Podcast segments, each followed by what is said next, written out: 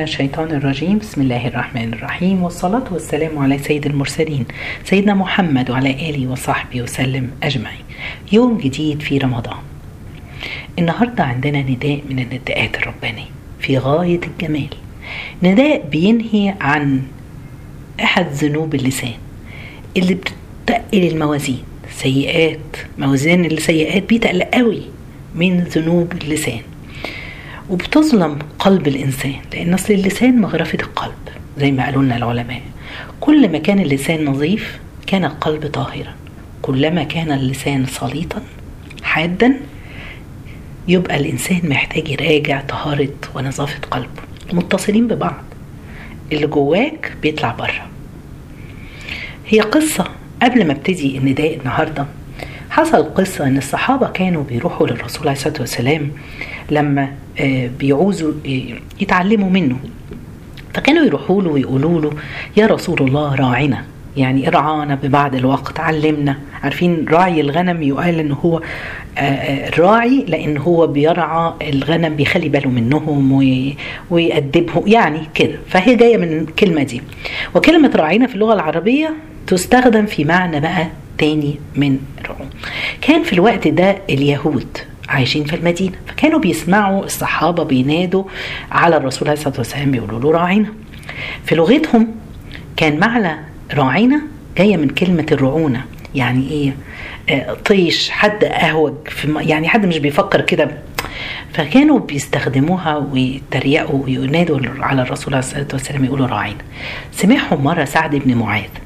وسعد بن معاذ كان يتكلم اليهودية. راح واتخانق مع حبر من أحبار اليهود وقال له لو قلت الكلمة دي تاني. طبعا هم كانوا يعني قاصدين المعنى لما بينادوا الرسول كده عليه. فلو قلت الكلمة دي تاني أقطع رقبتك. نزل القرآن بينهى الصحابة عن استخدام الكلمة دي اللي هي ممكن تحتمل معنيين ربنا سبحانه وتعالى بيقول في سورة البقرة آية 104 يا أيها الذين آمنوا لا تقولوا راعنا وقولوا انظرنا واسمعوا وللكافرين عذاب أليم. ربنا سبحانه وتعالى هنا بيقول لنا تخيلوا إن ربنا بيلغي كلمة موجودة عشان ممكن تؤخذ بمحمل تاني. ممكن كلمة يبقى لها معنيين. بلاش تقولوها احتراما لنفسية اللي قدامك حفاظا على نفسية اللي قدامك إنه ممكن يتصور إن في معنى آخر تقصده أو إن حد ممكن يستغل الكلمة دي ويجرح بيها الشخص اللي قدامه صوروا كلمة تتلغي استخدامها في الإسلام حفاظا على قلب رسول الله وحفاظا على قلوب الناس من بعده من البشر؟ الإنسان لازم ينقي كاجمل الكلمات. سبحان الله يا جماعة. يعني الواحد مش متخيلها يمكن الآية دي كتير مننا ما كانش فاهم معناها. الآية دي بتوري عظمة الإسلام والله. إن يعني قد إيه ربنا سبحانه وتعالى حريص على شعور الشخص اللي قدامك. عشان كده سيدنا عمر بن الخطاب كان يقول وهو يتكلم إني أحب الجلوس مع إناس ينطقون أطايب الكلام كما ينطقون أطايب الطم. ناس بتنقي كلامها قبل ما يطلع. مش زي ما إحنا بنقول مدب بيطلع الكلام وخلاص وبعد كده يرجع يتأسف. سيدنا عمر كان بيقول أنا بحب أقعد مع الناس دي. اللي هي بتفكر قبل ما تتكلم وتنقي الكلمة اللي هتقول عشان تنزل برد وسلام على اللي قدامي. زي ما إحنا بالظبط بننقي التمر عشان نشوف مثلا دي مسوسة ولا دي بايظة ولا إيه.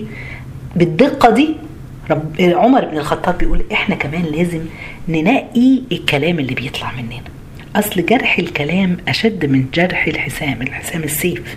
يعني شوفوا قالوا إزاي وصفوا الجرح اللي الكلمة اللي بتقولها اللي بتجرح بني آدم قدامك دي جامدة قوي. مش بسهولة تلتئم. الجرح التعويرة العادية هتلتئم. سبحان الله. هل عمرنا فكرنا في الكلام ده؟ آآ آآ سبحان الله سيدنا أبو بكر كان يمسك لسانه ويقول هذا أوردني الموارد. تهلكة يعني. يا سلام يا خليفة رسول الله. أنت أوردك الموارد. ده كان بيحط زلطة تحت لسانه. فلما سألوه بتعمل كده ليه؟ قال لك عشان اخد وقت قبل ما أشيلها قبل ما أتكلم أشيلها أفكر في الكلمة. وإحنا يا ترى بنفكر؟ ولا إحنا منطلقين؟ أعتقد إن إحنا منطلقين. كلام بيطلع مننا كده مفيش مشاكل ما بنفكرش فيه سبحان الله إلا من رحم ربي طبعا. آه وساعات إحنا كبشر كلنا بنحصل إن ساعات ممكن تكوني متضايقة. من واحدة متضايقة من زوجها عاوزة توصل له رسالة يعني بص الأزواج التانيين بيعملوا إيه؟ تمدح في جوز صاحبتها بكلام يجرح رجولته أو يجرحه. وتقول لك آه أنا قصده أنا عاوزاه يفهم. سبحان الله مش دي الوسيلة ومش ده الأسلوب. اوعى يكون ده أسلوب التعامل. مع ازواجنا وبالناحية التانية برضه ممكن الراجل يجرح انوثه المرأة يقعد يوصف لها في زميلته ولا يوصف لها في مرات صاحبه وشكلها وعاملة وموضبة. قول لها اللي انت عاوزه من غير ما تجرحها. هي دي الفرق اللي إحنا بنقول إحنا عاوزين نتعلم النهارده. يعني إيه ان إحنا ننتقي الكلام؟ آه لأن مش مفيد ان إحنا نجرح بعضينا. آه سبحان الله بيفق الناس اللي فعلا تعرف ربنا سبحانه وتعالى لازم ينتقوا الكلام قبل ما يتكلموا آه عارفين يا جماعة كانوا يعني أكنهم وقفي حارس كده على لسانك عشان ما يخرجش أي حاجة. لأن ربنا بيقول لنا في القرآن وقولوا لله حسنى وأقيموا الصلاة. سبحان الله بصوا عمركم لاحظتوا دي؟ قولوا لله حسنا وأقيموا الصلاة. يعني ضد سبق كلمة الطيبة الكلمة الجميلة اللي بتجبر بيها خاطر بني آدم من غير ما تكسر خاطره إيه؟ عن أقيموا الصلاة. ياه قد إيه دي مهمة؟ بيورينا أهميتها ربنا. ما ينفعش نقول أصل أنا بقول للعور أعور في عينه ما يهمنيش. مش ده غلط؟ لازم هقوله. لا ما ينفعش. اوعوا ال ال ال الواحد ياخد الكلام كده ويقوله خلاص الكلمة دي أمانة يا جماعة. لازم نحافظ عليها. وما تطلعش كده في أي موقف في أي وقت عشان نجرح بيها ون, ون يعني نأذي البني آدم. بيقولك الكلمة إذا أمسكتها ملكتها وإن أطلقتها ملكتك. يعني مهما حصل هي طلعت خلاص هتعرف ترجعها؟ مش هنعرف نرجعها. وكان العلماء بيقول كل واحد بيتكلم كتير تأكدوا إن هو بيغلط كتير. هي كده. هي قاعدة. اللي بيتكلم كتير هيغلط كتير. إحنا عاوزين نخلي بالنا دلوقتي من كل كلمة بتطلع مننا. آه الرسول عليه الصلاة والسلام قال لنا إن العبد لا يتكلم بالكلمة من رضوان الله. ما كان يظن أن تبلغ ما بلغت. يكتب الله بها رضوانه إلى يوم يلقاه. يعني ممكن أنت أو أنت كأم أو أب. كتير مننا بنقول كلام. الكلمة ممكن بنقولها وتطلع مننا كده لولادنا وإحنا مش مفكرين فيها. لحظة غضب لحظة انفعال بتلاقيها ساعات بتطلع حاجات كده أهو. طيب لكن الكلمة دي ممكن واقعها يأثر في حياة ابنك أو بنتك. إزاي؟ هديكوا أمثلة. سبحان الله. ساعات إحنا بنستخدم أنت غبي أنت مش عارفة إيه كلمات وألفاظ وفيها شتايم. وسبحان الله خلاص إن الإنسان لما بيعتاد على هذه الأنواع من الكلمات ما بيركز ولا ياخد باله إنها فيها شتيمة أو فيها تهزيء أو فيها قلة قيمة لابنك أو بنتك. والكلام ده بيقعد جوه قلوبهم بيأثر فيهم زي كلمة التشجيع عمرها ما بتتنسي عمرها ما بتتنسي. يعني في كلمات كده. يعني كان أنا فاكرة كان مرة جابوا آه الله يرحمه أحمد زويل وبيتكلم على أمه إنها مجرد كانت معلقة له ورقة على باب أوضته وهو صغير الدكتور أحمد زويل. الكلمة دي دايما حفزته كانت حافز في حياته إن هو يبقى دكتور. هو ده اللي إحنا عاوزينه. بيحكى عن الإمام أبو حنيفة. اسمعوا دي. كان مرة معدي ماشي وكان آه آه الإمام الشعبي من أئمة المسلمين اللي كانوا في الوقت ده. آه فناداه نادى الإمام الشعبي أبو حنيفة قال له إيه؟ قل لي إلى من تختلف؟ يعني بتروح لأي نوع من الأساتذة بتتعلم على إيد مين يعني؟ قال أختلف إلى السوق على يد الأستاذ فلان هو كان بيشتغل في التجارة زي أهله فكان بيروح ويبيع وبتاع وكان شاطر كان ذكي جدا وطور شغل أبوه. ف الإمام الشعبي ده شايف فيه حاجة فقال له إيه؟ آه لست على هذا أسأل ولكن أسأل عن العلماء. فقال لا ما عنديش. قال له أرى فيك يقظة وحركة وهمة وذكاء. أظن أن التجارة لن تشبعها. شوف قال شوفوا جابها له إزاي. أنا شايف أن أنت شاطر وذكي. آه و متهيألي اللي أنت بتعمله ده مش هيبقى كفاية. انت أنت محتاج أنت مش هترضى بأقل من كده. شوفوا الكلام. إحنا لما نشجع ولادنا أنت ذكي أنت شاطر شاطر في رياضة شاطر. عاوزين نكتشف مواهب أولادنا. هي دي المشكلة اللي إحنا كتير مننا إحنا بنحبطهم بنحبطهم بكلمة. بص ونقارن ما بينه وبين صحابه وقارن ما بينه وبين أخواته. ما ينفعش. ف فابو حنيفة قال له إيه هي إيه طب إيه اللي ممكن يشبعني جوايا؟ فقال له العلم. شفتوا؟ العلم. فأبو حنيفة بيقول فوقع كلامه في قلبي. تعالوا إحنا نوقع كلامنا في قلب ولادنا. كلمة التشجيع كلمة المصابرة. سبحان الله وأصبح هو بسبب كلمة أستاذه دي هو أكبر مذهب منتشر في العالم وخاصة في البلاد الغير عربية وفي سوريا باكستان والهند مذهب أبو حنيفة ابتدى يتعلم. سبحان الله.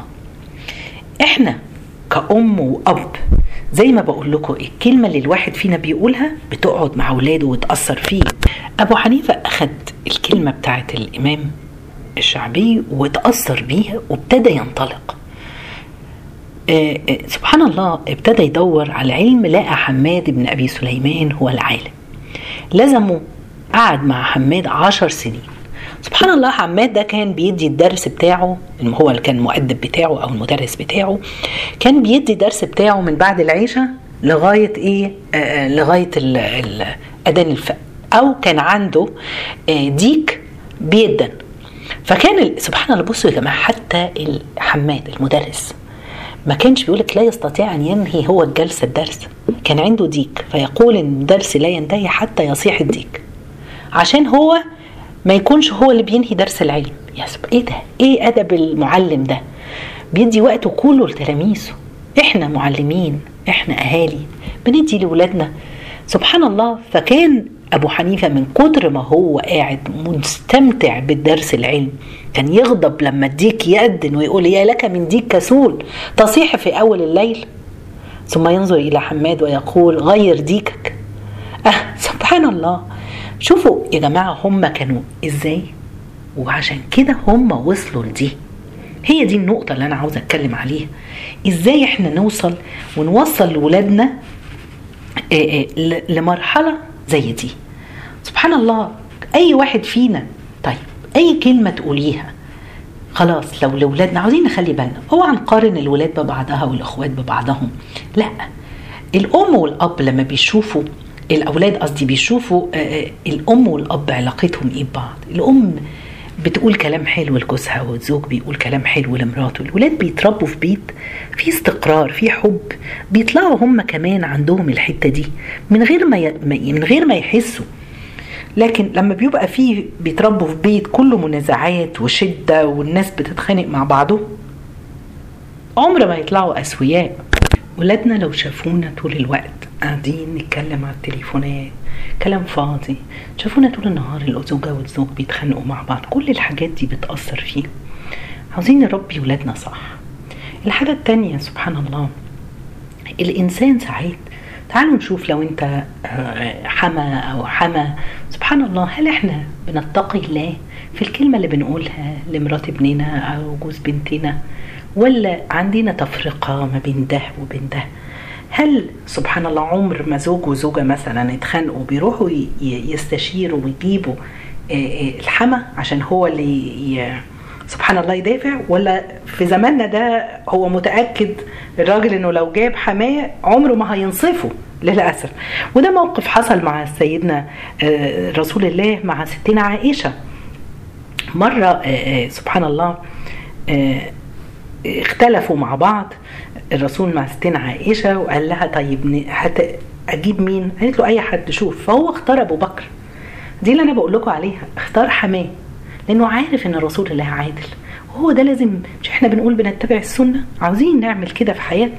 فلما جابوا سيدنا أبو بكر ودخل فستنا عائشة بتقول للرسول عليه الصلاة والسلام فهو الرسول بيقول لها من يبدأ أنا ولا أنت نحكي له المشكلة؟ فقالت له إيه؟ فقالت له عائشة بل أنت ولا تقل إلا حقا. لما سمع كده سيدنا أبو بكر من حبه للرسول عليه الصلاة والسلام إيه ده؟ إزاي بتقولي على الرسول؟ هو ممكن يقول غير الحق؟ فجري عليها عاوز يضربها فجريت هي استخبت ورا الرسول الله آه، ورا آه، الرسول عليه الصلاة والسلام رجعت ورا جوزها جوزها حبيبها. فالمهم ف... فراح الرسول عليه الصلاة والسلام قال له لم نأت بك لضرب ابنتك وإنما لتحكم بيننا. ساعتها خرج سيدنا أبو بكر ورجعت عائشة مكانها قال لها الرسول ارجعي والتصقي بظهري كما فعلت خوفا من أبيك. فقالت لا. فقال له من حماك من أبيك؟ ألست أنا؟ شايفين يا جماعة الحب والود؟ ليه ليه إحنا في بيوتنا ما عندناش السكينة دي؟ مالكيش غيره ومالوش غيرك. هو ده. ويقال في رواية أخرى إن مرة تانية دخل أبو بكر الصديق على الرسول عليه الصلاة والسلام ولقاهم بيضحكوا هو وعائشة فقال لهم ادخليني في أدخلاني فيها كما أدخلتموني في حربكما زي ما أنتم في الحلو دخلوني في المر يعني. سبحان الله يا جماعة. اللي أنا عاوزه أقوله كل الحاجات دي كلها تعتمد على إزاي البني آدم وعلاقته باللي حواليه. الكلمة اللي هيقولها هيقولها إزاي وصح ولا مش صح؟ آه سبحان الله تعالوا نختار الكلمة قبل ما نقولها. كان سيد الإمام مالك كان بيخترع مصطلحات جديدة. كان ما يحبش يستخدم كلمة حرام. فكان بيقول إيه؟ لا يصح عني عندي في مذهبه يعني. أو يقول لا ينبغي. أو يقول لا خير فيه. سبحان الله لما كان يختلف عن الجماعة فكان يقول يعني الناس تقول حاد عن آه، آه، عن رأيي أو عن مالك إيه ده؟ وإحنا عمالين نقول حرام حرام حرام لما عقدنا ولادنا سبحان الله في كل شيء اللي أنا عاوزه أقوله يا جماعة خلوا بالنا خلوا بالنا من كل كلمة إزاي بتطلع مننا عشان يكون تأثيرها على الإنسان؟ تعالوا نراعي مشاعر بعض. هو ده الفرق أو هو ده ديننا يعني لما ربنا سبحانه وتعالى يلغي كلمة حتى يراعي شعور الشخص اللي قدامه. دي عظيم. يقول لك مرة كان سيدنا عمر بن الخطاب جالس مع الناس خرج رجل منه ريحا. آه، فقال عمر عزمت على صاحب هذه الريح أن يقوم ويتوضأ. شم ريحة واحد سبحان الله. قوم اتوضأ. معقولة؟ هيقوم كده هو. فكان صحابي جرير بن عبد الله حاضر. فقال عشان ينقذ الموقف الحرج دوت. فقال يا أمير المؤمنين لمن لا نقوم جميعا ونتوضأ؟ سيدنا عمر ساعتها فهم إن هو ما كانش يصح يقول كده. قال جزاك الله خيرا. نعم السيد كنت في الجاهلية ونعم السيد أنت في الإسلام وأمر الناس جميعا أن تقوم وتتوضأ. شوفوا المشاعر شوفوا الإحساس حتى لو الواحد قال حاجة مش عاوزين إن إحنا نجرح بعضينا. آه الرسول عليه الصلاة والسلام قال لك إيه؟ وإن الرجل أو المرأة طبعا يتكلم بكلمة من سخط الله ما كان يظن أن تبلغ ما بلغت. يكتب الله بها سخطه إلى يوم يلقاه إلا من تاب. تعالوا يا جماعة فعلا محتاجين نحافظ على كل كلمة بتطلع من بقنا. إحنا مشكلتنا ان إحنا بقى عندنا كمان إيه يا جماعة؟ آه آه الفضول. الفضول بقى بيموتنا. الفضول في كل حاجة. آه أهم من الأكل والشرب دلوقتي اشترت دي بكام وراحت بكام؟ واتطلقوا ليه؟ وبنته عندها كام؟ والعريس دفع مهر إيه؟ ما ينفعش ما ينفعش. عاوزين نبطل ده. الفضول اللي هيموتنا والطريقة البشعة اللي إحنا بقينا فيها. اوعي تقول كلمة قد تؤثر سبحان الله وتوديك تكون هي سبب هلاك الإنسان. يعني لازم ننتقي كل كلمة بنقولها. بيحكى إن مرة سيدنا عيسى عليه السلام كان ماشي هو ومعاه رجل عابد من بني إسرائيل واحد يعني عابد. لما ظهر رجل جاي قدامهم في ناحيتهم كده فقال الرجل العابد ده لسيدنا عيسى يا روح الله تنحى لا ندخل من هذا الطريق حتى لا نقابله. فسألوا سيدنا عيسى ولماذا؟ قال هذا فاجر بني إسرائيل. فقال عيسى آآ آآ يعني سبحان الله طالما فيه الروح لا تيأس من هدايته أبدا. فقال الرجل بقى اللي هو العابد اللي فاكر نفسه لو دخل هذا إلى الجنة لأبيت دخولها استغفر الله العظيم يا رب. فقال عيسى قال الله لعيسى يا عيسى أحبط عمل هذا وهديت هذا. وجاء الرجل الفاجر يقبل يد عيسى ويبكي ويتوب إلى الله. اوعى. نحكم على حد. اوعى تتفاخر على حد بدينك ولا بالتزامك ولا إن أنت بتروح تصلي تراويح ولا إن أنت آه، بتقوم الليل. دي كلها أشياء ما بينك وبين الله. إحنا عاوزين النهارده نقف مع نفسنا ونحاسب نفسنا في كل كلمة بتطلع من بقنا. بفكر كل يوم أنا هقول إيه وكل لحظة كل كلمة بفكر إن أنا هكلم أمي دلوقتي عشان أبسطها وأريحها وأدخل الفرح على قلبها وإن أنا اسعدها وهقول لها حتى نكتة حاجة تضحكها لو هي مهموم. يا جماعة لازم نفكر في كل كلمة وكل شيء يخرج من لسان ربنا ينفعنا ويكرمنا يا رب في تلك الأيام الكريمة. ويسر لنا أمورنا وجزاكم الله خير. سبحانك اللهم بحمدك أشهد أن لا إله إلا أنت. أستغفرك وأتوب إليك.